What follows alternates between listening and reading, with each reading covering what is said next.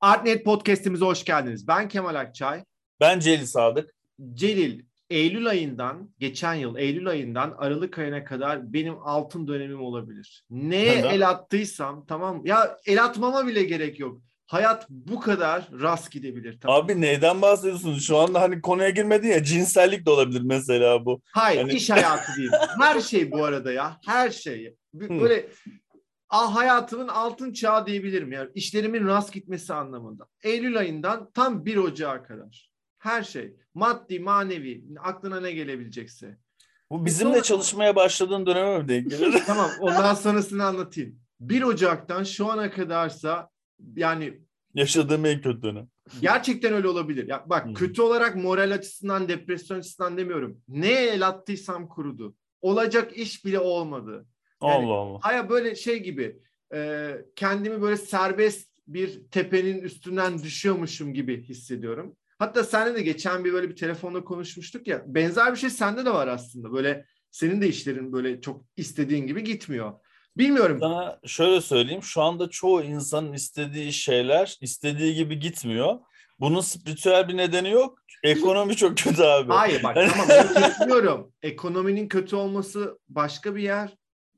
Ekonominin kötü olması başka bir şey. Onun dışında da yani normal hani biraz önce söyledin ya her türlü ilişkin, her türlü işle alakalı durum, e, yaptığın planlar bir türlü gitmiyor. Ama şöyle bir de bir durum var.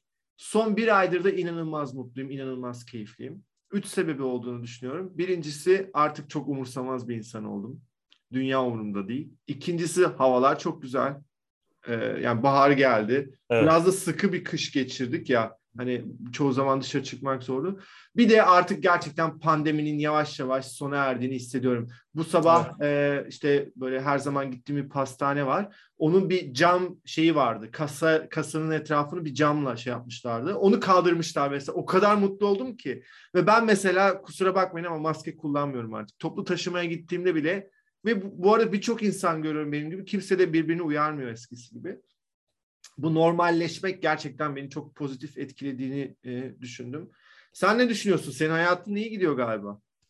Ya şöyle bizim aslında benim de işle yani işlerimiz çok iyi gitmiyor. Çünkü e, ben de bunu ekonomiye bağlıyorum.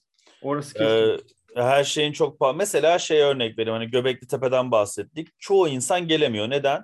İstanbul'dan gidiş dönüş 2500 liraya bulur mu ya? Urfa'ya. Ya insanlar tatil planlarını iptal etmeye başlıyor. İşte insanlar böyle işte bu gezi gibi gelmek istedikleri bir organizasyona şu anda 10-15 kişi biliyoruz ki bize mesaj çekip biz gelemeyeceğiz diye. E, uçak biletleri nedeniyle. E, şimdi e, bunlar var. Doğal olarak biz ne, ne oluyor? İşte sanat konusunda eğitimler veriyoruz. Biz de katılımcılarımızla hayatımızı geçindiriyoruz. E, katılımcılarımız doğa- doğal olarak daha hayati masraflara yönelip böyle eğitim, sanat, kültür, e, eğlence gibi şeyleri ikinci plana attıkları zaman doğal olarak işlerimiz de iyi gitmiyor. E, bu da pek çok sorunu da beraberinde getiriyor. Yani insan enerjisi olmuyor, sürekli bu konuyu düşünüyor. Ve e, şey var yani bütün herkeste bu var. Etrafımda konuştuğum insanlarda da öyle işte özellikle ticaretle iş yapan insanlar ya her kesim aslında e, sorununda. O yüzden hani sadece havanın güzelleşmesi, geleceğe dair işte yeni planların olması, onları hayata geçirmek için işte bir çalışmak hani o çalışmak zaten insanı biraz götürüyor böyle kafayı oyalıyor. Yani şu an böyle işte Göbekli Tepe'yle uğraşıyorum, ona çalışıyorum. Bir tane de seminer hazırlayacağım şimdi iki saatlik hani gelemeyenler için. Sadece Göbekli Tepe konuşacağımız bir seminer hazırlıyorum. Yani bunlarla uğraşıp çok fazla şey düşünmemeye çalışıyorum. Her şey çok olumsuz, her şey çok pozitif. Sosyal medyaya girip hani bir şey okuduğunuzda zaten moraliniz bozuluyor bilmem ne. O yüzden genel olarak şeyim ben de böyle modum düşük ama dediğin gibi havaların güzel olması falan böyle bir geziye gidip gidecek olmak falan şu anda bir iyi hissettiriyor. Onun dışında bir şey yok yani. Olsun Celil. Pozitif düşünüyoruz. Evrene olumlu enerji salıyoruz. E, vesaire vesaire. Hiç de bu şeylere inanmam ama olsun. E, bilmiyorum ama gerçekten böyle içimde güzel bir yaşam enerjisi doğdu. Güzel. E, Ankara'ya geliyorum. Hı hı. e, Haziran başı gibi. E, sağ olsun Ankara Üniversitesi ilk defa bir kısa film festivali düzenliyorlar ve e, sağ olsunlar beni de jüri üyelerinden bir tanesi yaptılar. O yüzden 3 gün boyunca orada olacağım. Bu arada onların da reklamını yapmış olayım. 6 Haziran 8 Haziran arası 25 Mayıs'a kadar da kısa filmcilerin filmlerini bekliyorlar. Güzel de ödüller var şu an aklımda yok ama hani e, kendi sayfalarına bakıp oradan inceleyebilirsiniz.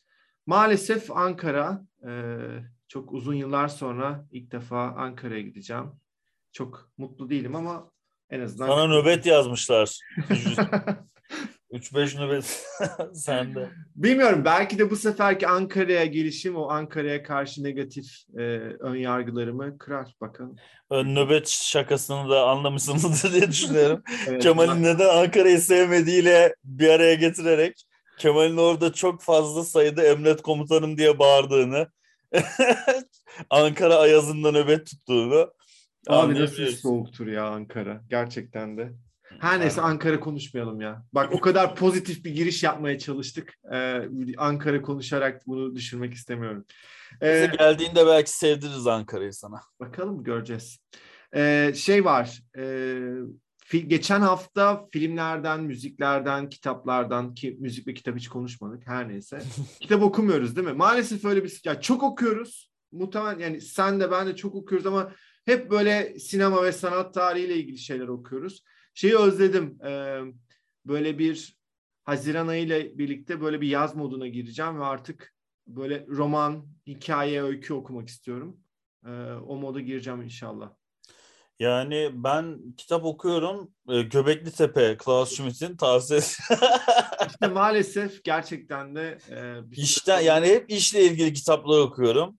Ee, onun dışında yani hep araştırma yaptığım zaman onun dışında vakit kalmıyor zaten. Ya film izlemeyi daha çok tercih ediyorum. Çok uzun zamandır hani yani bir şey okumak çünkü yoruyor. Yani uzanıp bir şey izlemek istiyorsun ondan sonra. O yüzden biraz romandan mahrum kaldık. Geçen ama beni çok etkilen bir film izledim. E, Altı numaralı kompartman. Bayağı da yeni bir film. Böyle bir festival filmi diyebilirim. Bir yol yol hikayesi aslında. Hani geçen hafta geçen bölümlerde de konuşmuştuk yol filmlerini. O dönem izlememiştim tabii ki. Orada geçen çok güzel bir söz var. E, şimdi Hikaye şu, şu şekilde e, bir kadın var ve bir kadınla ilişkisi var. E, ikisi birlikte bir yolculuğa çıkacaklar. Bu arada kadın Finlandiyalı ve e, onun hoşlandığı sevgilisi Rus. Bir yolculuğa çıkacaklar kuzeye doğru. E, şimdi tam o ismini unuttum ama böyle e, önemli bir geo, geografik yapıyı görmeye gidecekler. E, fakat kadın son anda satıyor bunu ve öbür kadın tek başına, o Finlandiyalı olan tek başına yolculuğa çıkıyor. E, Finlandiyalı kız Öbür kıza baya bir aşık ama sadece ona aşık değil. Evine aşık. Entelektüel bir çevrede ona aşık. Yani aslında onun hayatına aşık bir yandan da. Ve o yolculuğa çıktığı zaman trende, kompartmanda ay yaş bir Rus'a rastlıyor. Böyle kaba saba bir Rus'a baş, e, rastlıyor ve tabii ki başta ilişkileri çok kötü ama o yolculuk devam ederken aralarında bir yakınlaşma oluyor. Ee, Hikayede hoşuma giden kısım şu. Filmin başında bir oyun oynuyorlar ve e, romanlardaki veya çeşitli özlü sözleri alıp kimin söylediğine dair bir tahmin oyunu oynuyorlar. Orada şöyle bir söz var. E, kaçmaya başladığında nereye doğru kaçtığın değil de nereden kaçtığın daha önemlidir diye. Ki filmde bütün aslında temelini bunun e, şeyine kuruyor. Ve beni çok etkilemişti ve e, kendi hayatıma dair de mesela şu çok ilginç değil mi? Şimdi ekonomik krizden bahsettik ve birçok insan yurt dışına kaçmak istiyor e, ve hep aslında yurt dışının zenginliklerinden bahsediyorlar. Ama çoğu zaman mesela arkadaşlarıma baktığımda çevreleriyle ilgili problemleri oluyor. Yani bu çev mesela şey değil. Türkiye'deki ekonomik durum vesaire gibi değil de mesela ailevi problemlerden dolayı. Aileyle ilgili problemi var ve aileden kurtulabilmek için tek yapabileceği şey aslında başka bir yere kaçmak. Ama kendini kandırıyor. Aa, yurt dışı daha e, iyi imkanlar var ve o yüzden gitmek istiyorum diye e, gidiyor. Bir de mesela şu da çok ironik geliyor. Bir sürü konudan konuya atlıyorum ama şimdi bir mülteci problemimiz var ve neredeyse Türkiye şu anda sadece ekonomi ve mülteci problemlerinden bahsediyor. Ee, ve birçok insan burada çok fazla mülteci olduğu için yurt dışına gitmek istiyor. Ama bu sefer şunu insanlar kaçırıyor. Bu sefer, siz yurt dışına gittiğinizde bu sefer başka ülkenin mültecisi oluyorsunuz. Yani Siz şu an Suriyelileri, Afganları vesaire ve savun bunu bir birisine söylediğimde ama ben onlar gibi değilim diyor. Ama aslında oradaki insanlar seni onlar gibi görüyorlar. Gibi böyle beni o film e, bu çıkış noktası üzerinden farklı düşünceler e, itmişti. Sen ne düşünüyorsun peki bu anlattıklarımla ilgili? Biraz fazla çorba ettim biliyorum. E, ama hani içsel bir dünya, içsel kaçmak da olabilir. Bu tarz sosyal, ekonomik durumlara da bağlayabiliriz. Vallahi ben hiç kaçmadım. kaçmak istedim. Önemli olan o. Bazı ya belki kaçmak, cesaretin yoktu. Kaçmak istedim mi bilmiyorum. Ee, yani istemedim. Zaman zaman hani bu şeyden de yani bu bir, bir yerden kaçmak olur, birinden kaçmak olur. Kaç yani kaçmak istediğin durumlar elbette ki olur. Ama mesela hani şu anda daha iyi bir yerde yaşayayım diye evet çevreden dolayı dediğim mesela aile değil de benim daha çok ben de yurt dışında yaşamak istiyorum. Bunun nedeni de aslında tabii ki de hem bir yandan ekonomik ama ben hayatım boyunca Ankara'da yaşadım ve işte bu bölgede işte ne bileyim hep ülke içinde gezdim falan. Hani dünyaya bir kere geliyoruz mantığı ben de her zaman daha önceki bölümlerde de söylemiştim. 30 yıl Türkiye'de yaşamışım. Hayata bir kere geliyorum. Bunu deneyimlemek istiyorum. Yani e, ülkenin durumu iyi olsaydı da büyük ihtimalle gidecektim. Yani gitmek isteyecektim. Bu zaten aslında çocukluğumdan beri istediğim bir şey. Yani çok e, geçmişimde de istediğim bir şey. E, o yüzden hani bir de ülkenin bu durumda olması iyice bu motivasyonu arttırıyor tabii ki de. Hani diyorsun ki evet gideyim e, hayatımın kalanında da kaldıysa eğer 30 yılda o şekilde hani iyi bir şekilde yaşayayım diyorsun ya da iyi bir şekilde dediğim farklı deneyimler yaşayarak. Peki orada Sonuçta, öteki olmaya ne diyorsun? Öteki olmakla çok alakası yok. Ben bu ülkede de kendini çok öteki hisseden insan var. Oraya Değil, girersek yapma. ben de kendimi sen öteki hissetmişimdir yani. Nasıl öteki hissediyorsun sen? Sen tam bir şeysin ya. Öteki hissetmeyecek. Sen tam kaymak tabakasın bu ülkenin. Yani kaymak tabakasında ne nereden baktığına bağlı abi. Yani sonuçta ben e, diyelim ki bu ülkeye kendine ait, ait hissetmediğim bir zaman var. Üç yıl işsiz kaldığım bir zaman dilimi var. Ben ülkemde kendi mesleğimi yapamıyorum mesela. Neden? Yani kendi sevdiğim, hayran olduğum, aşık olduğum, kendi isteyerek yazdığım, kazandığım, çok büyük sevgiyle okuduğum, okuduktan sonra benim şu anda biz 150 kişi mezun olduk. Sadece sanatlarla ilgili ben çalışıyorum.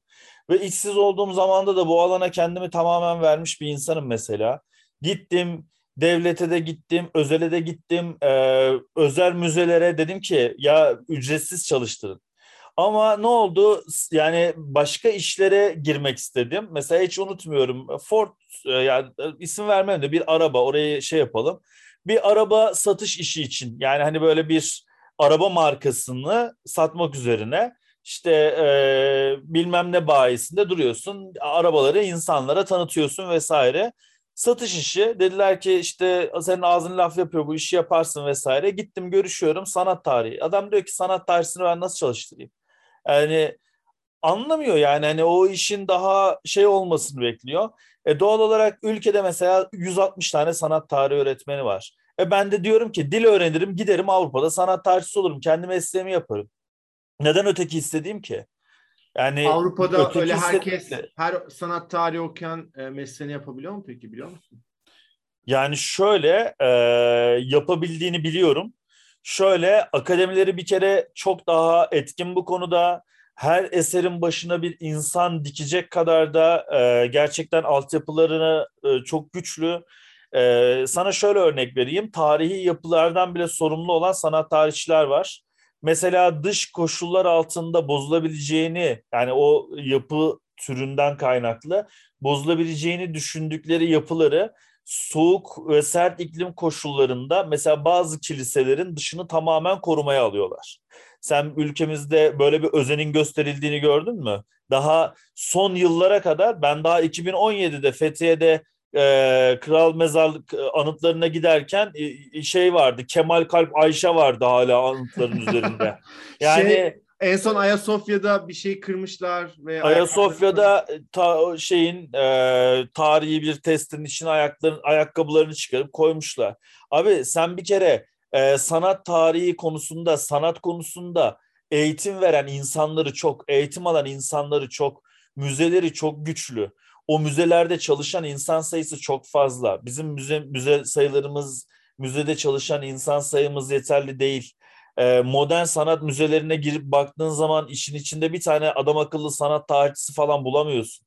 Ee, konuştuğum insanlar oluyor, bambaşka mesleklerden insanlar. Müze yönetiminden tanıdığın olsun yeter atıyorum.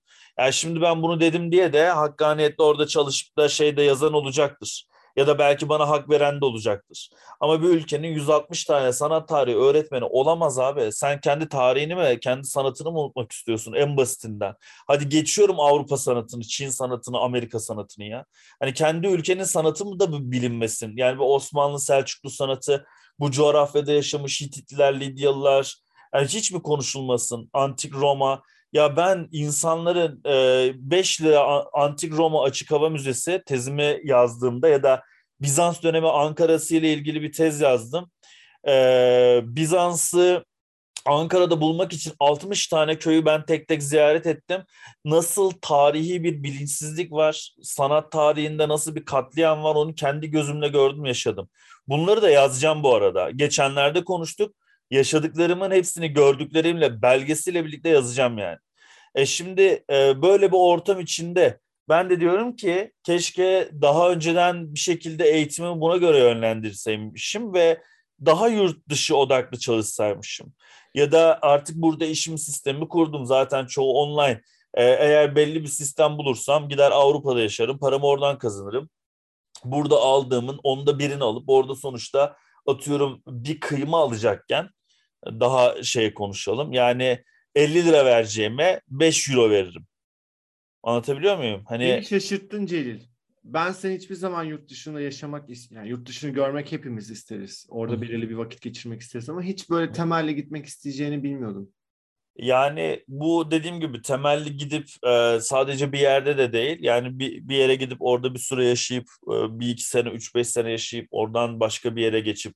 Yani aslında uzun süreli bir gezi gibi. Hani... Peki şeyi sorayım. O ilk başta hani o filmden yola çıkarak sen bir şeyden mi kaçıyorsun? Bu kaçtığın şey herhangi bir şey olabilir yoksa bir şey, bir yere mi kaçıyorsun? Ya şöyle e, mental anlamda zaten e, nasıl hissedeceğimi de bilmiyorum. İyi hissedeceğim, hissedeceğimi düşünüyorum. Ama e, gittiğimde bunun kaçmakla ilgisi yok. Onu söyledim yani benim Kaçmak gitmek... orada bir metafor gibi bu arada. Ya ama şöyle benim evet. gitmek isteme nedenim ya yeni şeyler deneyimlemek istemek işte yeni insanlar tanıyayım, yeni yemekler yiyeyim, yeni yerler göreyim. Yeni rutinlerim olsun mesela bir süre. Değil mi? Yani başka bir ülkede de hayatta kalmaya çalışıyorsun. Yani o anlamda şey e, herkes nasıl anlatayım bilemiyorum. Yani hani şey var abi sonuçta bu bir yerden kaçmak anlamına gelmiyor. Benim burayı sevmediğim anlamına gelmiyor. Bu arada ben şuna da üzülüyorum. Bunu kendi aramızda da konuşuyoruz. Mesela doktorlar falan gidiyor ya şimdi. E, pek çok insan yurt dışına gidiyor ya. Bir yandan da üzülmüyor değilim abi. Hani ben kendimi bu ülkede doktor kadar değerli görmüyorum ki. Ben zaten değer verilmiyor sanat tarihçisiyim. Ama e, onlar gidince insan üzülüyor. Çünkü en son bir yani hani nasıl diyeyim e, onların yerine gelecek insanların ya da getirilecek insanların da gideceğini düşünüyorum çünkü. Hı hı. Sürekli böyle bir sirkülasyon olacak ve sonuçta çok eğitimsiz bir kitle kalacak. Ya bu ülke için kötü gibi geliyor bana. Hani kalıp e, eğer düzeltmek istedikleri bir şey varsa e, düzeltmeye çalışıp belki düzelttikten sonra gitmeleri güzel olur ama insanlar kötü koşullar altında yaşıyorsa da daha iyi koşullarda yaşamak adına başka yerlere göç etmeleri tarihin ilk zamanlarından beri var. Bak ben sana şöyle bir şey söyleyeyim. Ee, tarihi bir kitap var. Şey bir İspanyol daha doğrusu Endülüs'ün bir Arap'ın yaşadıklarını günlü yani günlüğünü kitaba çevirmişler.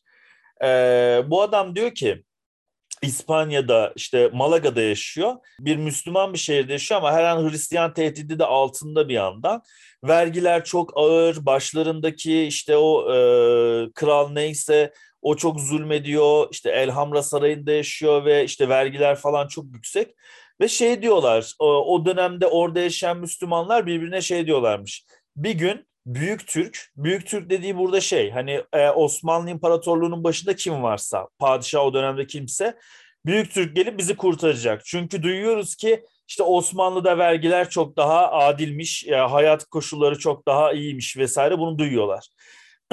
Mesela e, bu insanların da aslında o dönemde düşünsene dünyanın öbür ucunda yaşayan Müslüman bir e, Emevi'nin e, Osmanlı gelip topraklarımızı alsın diye beklediği bir dünya ya da oraya zaten adam daha sonra göç ediyor bu arada. Hı hı. Sırf Osmanlı toprağı olsun diye Mısır'a taşınıyor. E, ve bunun öyküsünü de dinliyorsun bir yandan. E, biz de buraya ait miyiz? Yani aslında hani daha tarihi olarak bakıyorum diyorum ya sürekli bir göç var abi. Zaten sürekli sirkülasyon var. İnsanlar mutlu olduğu, daha iyi yaşadığı, daha iyi beslendiği, kendini daha iyi hissettiği yerlere göç ederler. Yani bir yerde e, kalmanın günümüz modern dünyasında çok bir öneminin olmadığını düşünüyorum. Ee, bunun ne vatanseverlikle alakası olduğunu düşünüyorum, ne başka bir şeyle alakası olduğunu düşünüyorum. Bu dünyaya ait hissetmek, o dünyayı deneyimlemekle alakası olduğunu düşünüyorum. Şimdi ben zaman zaman fotoğraf çekiyorum ve bu fotoğrafı e, Airbnb üzerinden bir aktivite kısmı var ve yabancıların fotoğraflarını çekiyorum. E, sanırım böyle bir 3-4 hafta oldu. Bir Rus geldi e, ve böyle bir son dakika ve gece ve şimdiye kadar 60 tane yabancının fotoğrafını çekmiş olmama rağmen hep insanlar gündüzleri fotoğraflarını çekmemi istiyorlardı. İlk defa birisi akşam çekmemi istedi. Her neyse e, ama bir türlü de şeyi bu, e, algılayamadım. Çocuk nereli algılayamadım. Her neyse gece Galata Kulesi'nin önünde buluştuk. Çocuk meğersem Rusmuş. Biliyorsun e, öğrenemememin sebebi de şu Airbnb bütün Rusların hesaplarını direkt kapatmış. Yani herhangi bir şekilde bir Rus şu an e, bir ödeme yapamıyor Airbnb üzerinden. O yüzden de farklı bir ülke seçip e, şey yapmış. Şimdi çocuğa çocukla konuşmaya başladığımızda çocuk sanki böyle bir şey gizliyormuş gibi, bir şey söylemekten çekiniyormuş gibi tamam mı? Ve çocuk Ermenistan'dan gelmiş buraya. Ben de şey ve şu anda da yani Rusya'dan kaçmış ve Ermenistan'a gitmiş. Ben de şey gibi düşündüm. Herhalde hani Türkiye ile Ermenistan arasında böyle çok yakın ilişkiler yok ya. Herhalde çocuk ondan çekiniyor gibi düşündüm. Hani onu rahatlatmak için hani benim için hiçbir şekilde bunun bir problem olmadığını rahatlatmak için söyledim ama çocuk yok yok diyor. Sadece hani oraya bilet bulmuştum ve o yüzden oraya gittim diyor. Sonradan bir öğreniyorum ki aslında çocuk Yahudi, Rus Yahudisi ve sonrasında da hani bundan dolayı çekindiğini düşündüm. Ama aslında şey de değil yani o da değilmiş. Her neyse sonra konuşmaya başladık. Ve biz 8'de başladığımız şey 12'ye kadar devam etti ve çok az fotoğraf çektik. Full muhabbet ettik. İstanbul sokaklarına yürüyüp muhabbet ettik. Ama her şeyden işte ilişkilerden konuşuyoruz, savaştan konuşuyoruz, dinlerden konuşuyoruz vesaire. Çocuk dedik ki hani Yahudi ama aslında bir inancı yok. Ama bir ara şunu söyledi. Ee, en kötüsü ama Müslüman İslam dedi. Dedim ki yani ne alaka? Yani şu an gece gece sana İslam'ı savunmak istemiyorum ama hani İslam'ın gidip... şartı beşti. hani, Hemen onu yapsaydım. Ve şunu söyledim çocuğa. Çocuk şundan çok şikayet ediyor. Şu an hani bütün dünya Ruslara karşı aslında çocuk da e, savaş karşıtı. Şu anki mevcut hükümetle hiç memnun değil. Hatta kaçmış başına bela gelebilir diye. Ve şu an ne yapıyor biliyor musun? Bütün dünyanın Ruslara yaptığını bir Rus olarak Müslümanlara yapıyor, İslam'a yapıyor. Ve şunu söylüyor. Peki dedim hani neden İslam'a karşı böyle bir hani nefretin var? Hani neden onun en kötü olduğunu düşünüyorsun? Diyor ki onlar tecavüz ediyor. Dedim ki yani herhalde hani tekil bir olaydan mı bahsediyorsun yoksa çünkü bildiğim kadarıyla İslam'ın hiçbirisinde tecavüz edebilir ve hani ne bileyim mesela 18 yaşından küçük kadınlarla işte evlenebilirsin. Hayır hayır bir şey öğrenmiş, bir şey görmüş ve bir nefret oluşmuş. Ve şunu aslında bana çağrıştırdı. Nefret nefreti doğuruyor. Yani hmm. belki de o çocuğun ona yaptığı veya ona yapılan şeyi başkasına yapmak istiyor. Bunun üzerine konuştuğumuz zaman sonrasında çocuk da hak verdi. Yani e, yani bir şey yok. İslam'a karşı bu kadar net bir nefret duymasının somut bir sebebi olmadığını da fark etti. Hı-hı. Bu arada tabii ki sevmeyebilirsin. Hani ben de şu an herhangi bir inanç sistemi, bu dinler olabilir, spiritüalizm gibi şeyler olabilir. Daha ne aklına gelebilirse ben şu anda hiçbirisine karşı yakın değilim. Hatta böyle bir bunların insan yapımı olduğunu düşünüyorum hepsinin. Ama yine de hani bu şekilde bir nefret söylemiyle yaklaşmanın da hiç doğru olmadığını düşünüyorum. Ee, hani sen şey dedin ya şu an biz konuşurken aslında böyle e, bilinçli bir yurt dışına gitmekten bahsediyoruz. Bir de böyle zorunluluktan dolayı kaçmak zorunda olan insanlar var. Bir de şu da var yani mesela e, sen böyle bir içinde bir nefret var. Yurt dışına gitmekten bahsederken bir isyan var aslında nefret demeyeyim de. Böyle bir, bir yerini değiştirmek sadece böyle bir deneyim yaşamak, merak etmek değil de böyle bir o nefretle alakalı da bir olumsuz duygulardan Şimdi, dolayı da sanki hareket etmek istiyorum. Ama bunu söyledim. Dedim ki e, hep istiyordum. Son dönemlerde yaşanan olaylar, şu an içinde bulunduğumuz durum bu motivasyonumu iyice arttırıyor. Yani mesela daha önce belki şu anda şartlar çok daha iyi olsaydı şey ya yurt dışında yaşamayı çok istiyorum deyip bunu sürekli dilde tutup e, belki hani bir gün çok fırsatını bulursam e, denk gelirse gitmek üzerine bir düşüncem olacakken şimdi şey var gitmenin yollarını gerçekten arama durumu var. Hani e, ikisi arasında böyle bir fark var doğal olarak. Doğru söylüyorsun. O yüzden o Ama baştaki... çok nefret değil de e, bir şey bu. Hani dediğim gibi sadece daha iyi yere göç edip daha iyi beslenmek, daha iyi avlanmak anlatabiliyor muyum? Hani bu Evet evet. Nefret biraz şey. fazla şey. biraz daha yoğun bir e, duygu olabilir. Hani onda doğru söylüyorsun. Biraz daha yumuşak olabilir ama o yüzden o lafın önemli olduğu bir şekilde o kaçmak var. O, o evet. sözcükteki kaçmak şey olabilir. Yine büyük anlamlar çıkartmayalım. Ee, ama bulunduğun ortamla bir meselen var. Bazı insanlar da çok seviyor mesela. Ne olursa olsun bütün o olumsuzluklara rağmen yaşadıkları ortama karşı çok sadıklar. Yaşadıkları eve, yaşadıkları mahalleye, bölgeye. Böyle bir bizde mikro milliyetçilik çok fazla var. Var var. Ya mesela işte gittiğinde Trabzon'a kendini çok mu yakın hissettin, yabancı mı hissettin? Kendi ülkenin içinde de öteki hissedebilirsin. Yani Kesinlikle. çünkü giyim tarzın, ya o gün herkes bize bakıyordu Kemal'le mesela Trabzon'da. Ve Çünkü bu arada çok normaldik yani. yani. Normaldik ama farklı geliyoruz. Biz kendimize göre normaliz ama orada hayatta kal. Şimdi Trabzon'a taşınsam ben hayatta kalabilir miyim çok uzun süre? Anlatabiliyor muyum ya? Hani o yüzden yani bu ülke içinde bile ya ben mesela İstanbul'da bile kendimi rahat hissetmiyorum. Hele yani bu son dönemdeki e, olaylara özel olarak söylüyor gibi değilim. Ya mesela çünkü şey e, evet şu anda bir şey var e, nasıl diyeyim mülteci olması başka bir şey ülkede.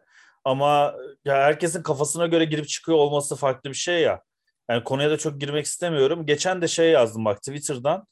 Dedim ki e, bu dedim e, yani insanlar sapıklık yapıyor ya. Hani telefonlar görüntüyü alıyorlar, taciz işte bu e, bazı mülteci insanların. Ben de bunlara bir laf söyledim Twitter'dan. Dedim ki yani bunlar bunları dedim e, savunmak çok saçma. Çünkü hani şöyle şeyler çıktı ya hani e, onlar aslında sadece kamerayla etrafları çekiyormuş. Yani etrafı çekiyorlarmış. Hani bir aslında kadınlar kızlar kadraja giriyormuş. Ben de bu laf üzerinden yani sadece sapık olan insanlara yönelik bir şey söyledim. Abi ben Twitter'da manyağın biri işte sen ırkçısın falan dedi. Lan ben demiyorum ki bütün Pakistanlılar böyledir, bütün Afganlar böyledir. Böyle bir şey söylemiyorum ki. Yani senin ülkende de var kamerayla çekenler. Yok mu? Haberleri aç bak. Gizli çekimde yakalandı. Yok otobüste taciz ediyordu. Yok metrobüste bilmem ne yaptı. Yok açtı bilmem neresini gösterdi. Yani bunun şey yok ki sapık insanları en azından yakalayıp atmak üzerine. Yani bunlara bir bunlar elini kolunu sallayarak geziyormuş hissiyatı şu anda toplumda çok yüksek ve ben de bunu dile getirdim. Ama mesela e, insanlar artık kavramları böyle Twitter'dan falan duyar kasmak için kullanıyorlar. Çok ağızlarına göre kullanıyorlar. Aslında suç yaptıklarının da farkında değiller insanları yaftalarken.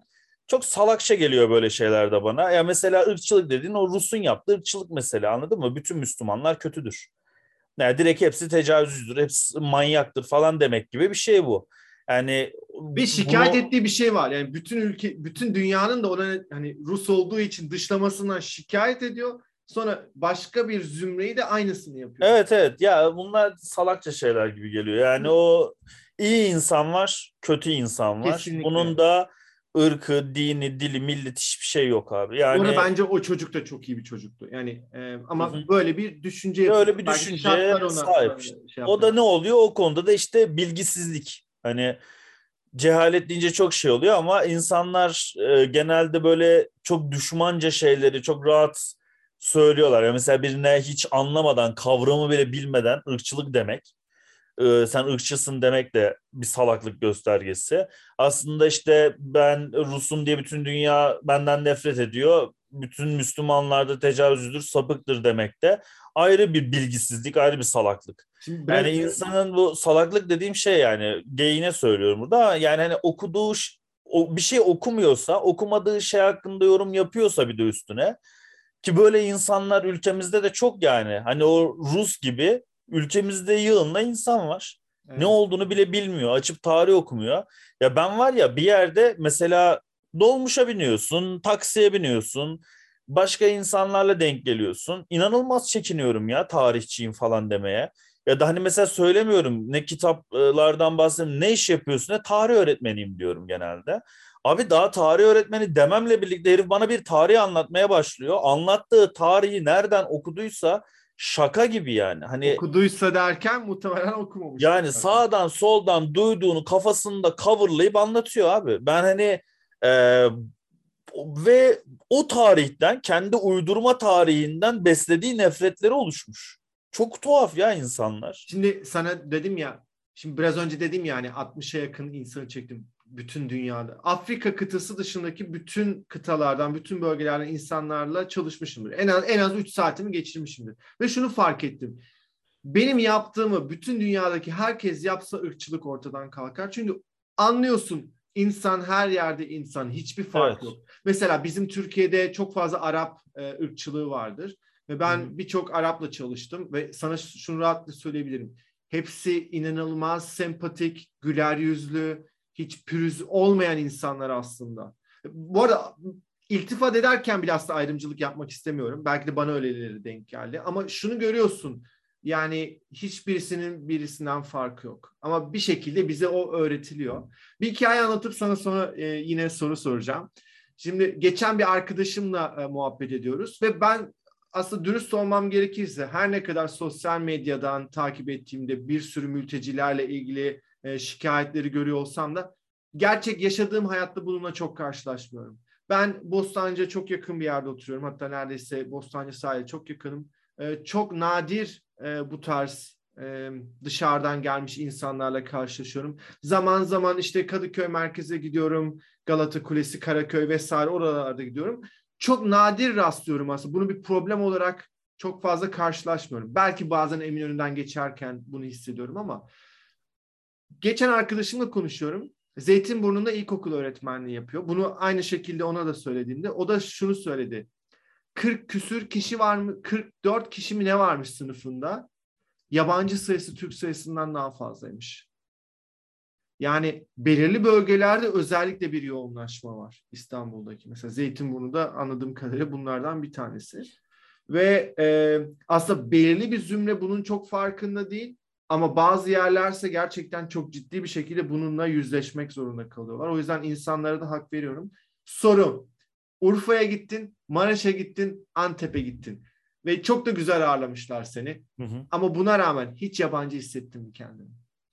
Şöyle ki hayır. Bak e, ilginç bir şekilde ben e, hatta ben soğuktum. Hani insanlar bana e, ön yargılı gibi şey yapar diye düşünüyorum. Hani yaklaşır diye düşünüyorum. İşte Urfa'da gittiğimde zaten hani beni çok sıcak karşıladılar. Rehmet, rehber e, Murat abi, işte Okan falan, e, Nesrin Hanım e, aldılar beni götürdüler.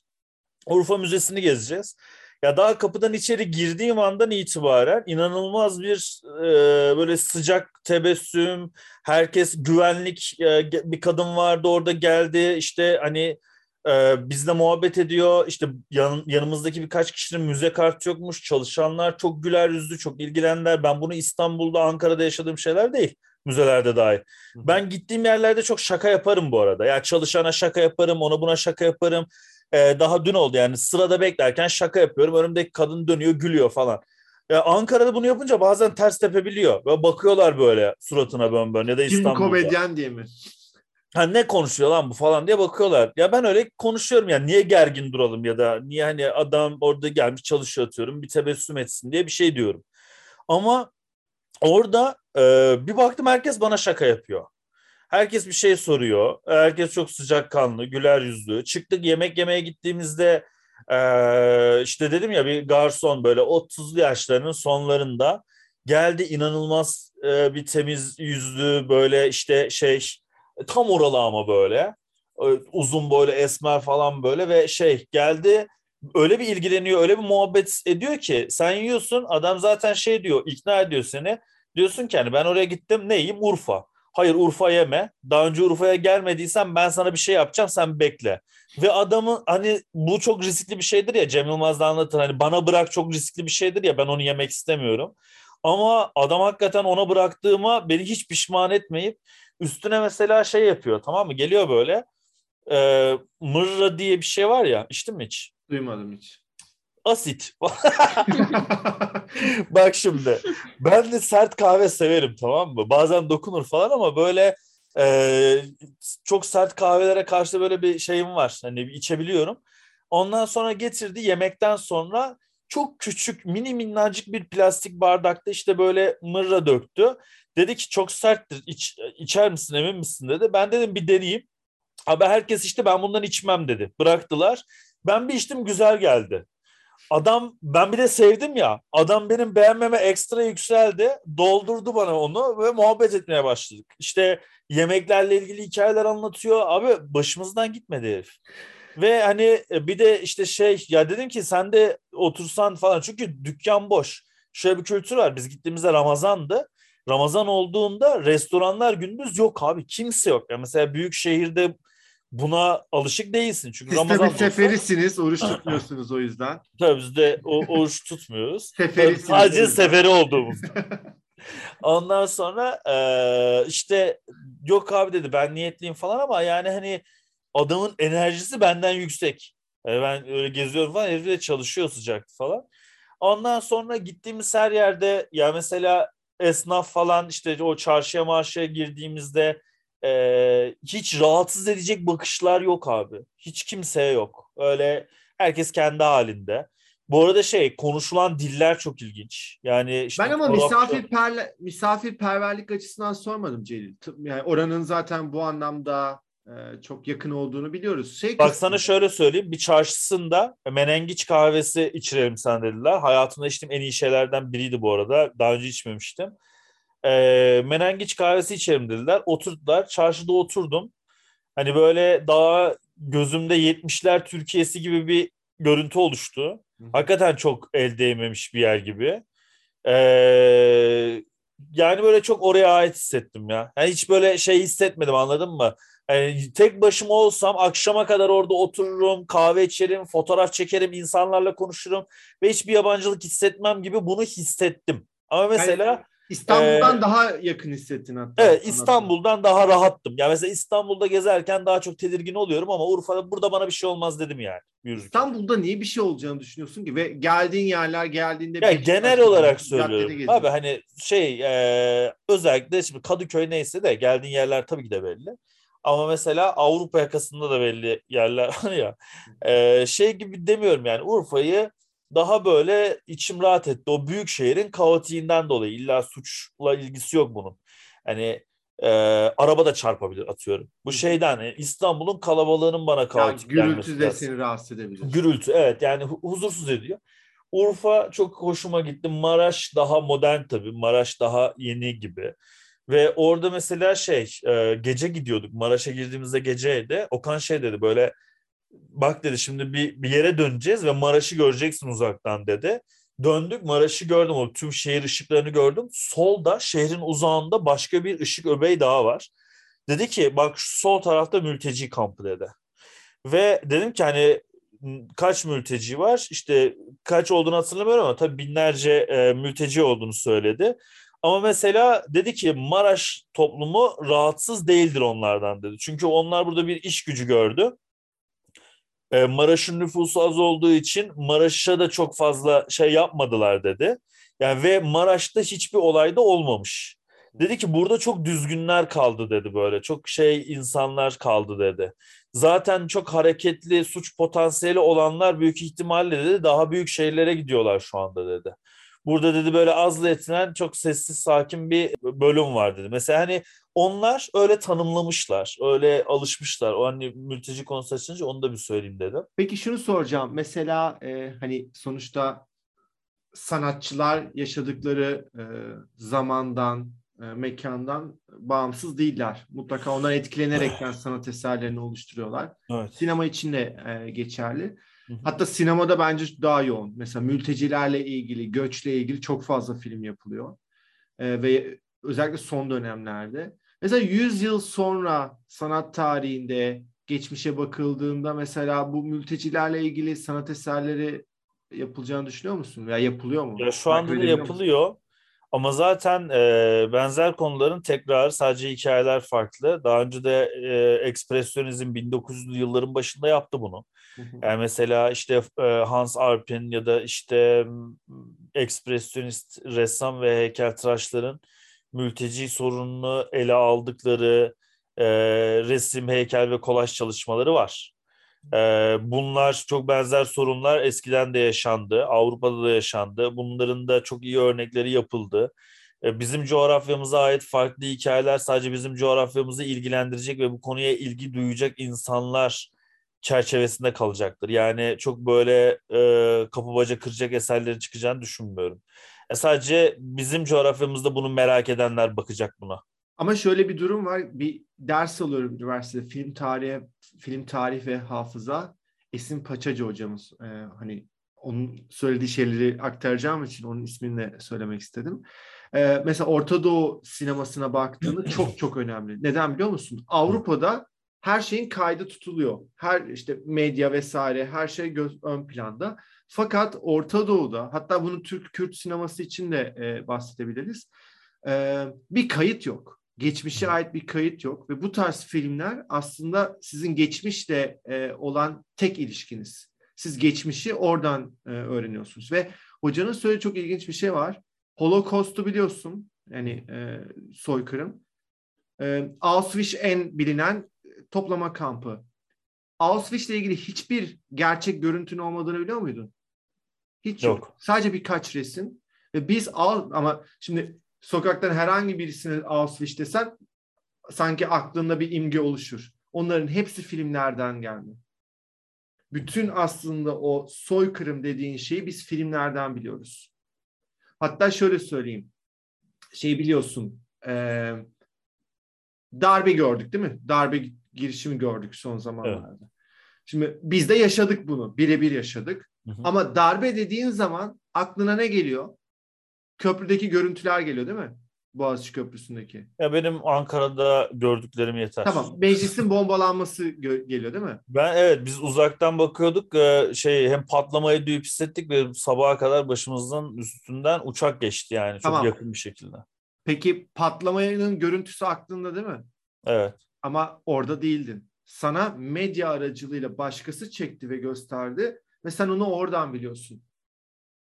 Se görmedim de sesini duydum. Ee, deprem Boğaziçi gibi Köprüsü yani. de öyle ki çok çoğu kişi Boğaziçi Köprüsü'ne gitmedi. Hatta şöyle söyleyeyim Boğaziçi Köprüsü'ne giden insanlar bile oradaki olayları televizyon görüntüleri üzerinden hatırlıyorlar. Aslında medyanın, sinemanın böyle geçmişi hatırlamak açısından bu kadar önemli bir e, etkisi var. Evet. Yani bu bu arada şey değil. Yani sinema anlamında ben sanat anlamında yani daha çok resim heykel üzerinden düşünmüştüm dediğin ama sinemada değişik şeyler ortaya çıkabilir. E, çok daha etkili muhtemelen. Yani 100 yıl sonra 200 yıl sonra e, diğer sanat yani şu anki klasik sanatla işte heykel, resim e, bu tarz sanatlarla karşılaştırdığımızda sanki sinemanın e, etkisi çok daha yoğun olacak. Hı hı. Bence de öyle geliyor. Bana da öyle geliyor. O zaman ufaktan biz de kaçalım Celil. Kaçalım. Ee, bu bölü bugün 10 Mayıs iki bölüm doldurduk. Ee, umuyoruz bundan sonra yine bir inşallah söz vermeyelim çünkü hiçbir zaman sözümüzü tutmuyoruz ama bir belki yine haftalık e, rutine bindirebiliriz diye umut. Umarız döner. E, bu arada şöyle bir ufak planımız var. YouTube'dan da böyle bir program yapma birlikte. Bu sefer de görsel olarak bir program yapma şeyimiz var. Bakalım onu da e, konuşacağız Celil'le. Bir şekilde hayata geçirmeye çalışacağız. O zaman hepinizi öpüyoruz. E, bir sonraki bölümde görüşmek dileğiyle. Kendinize çok iyi bakın. Hoşçakalın.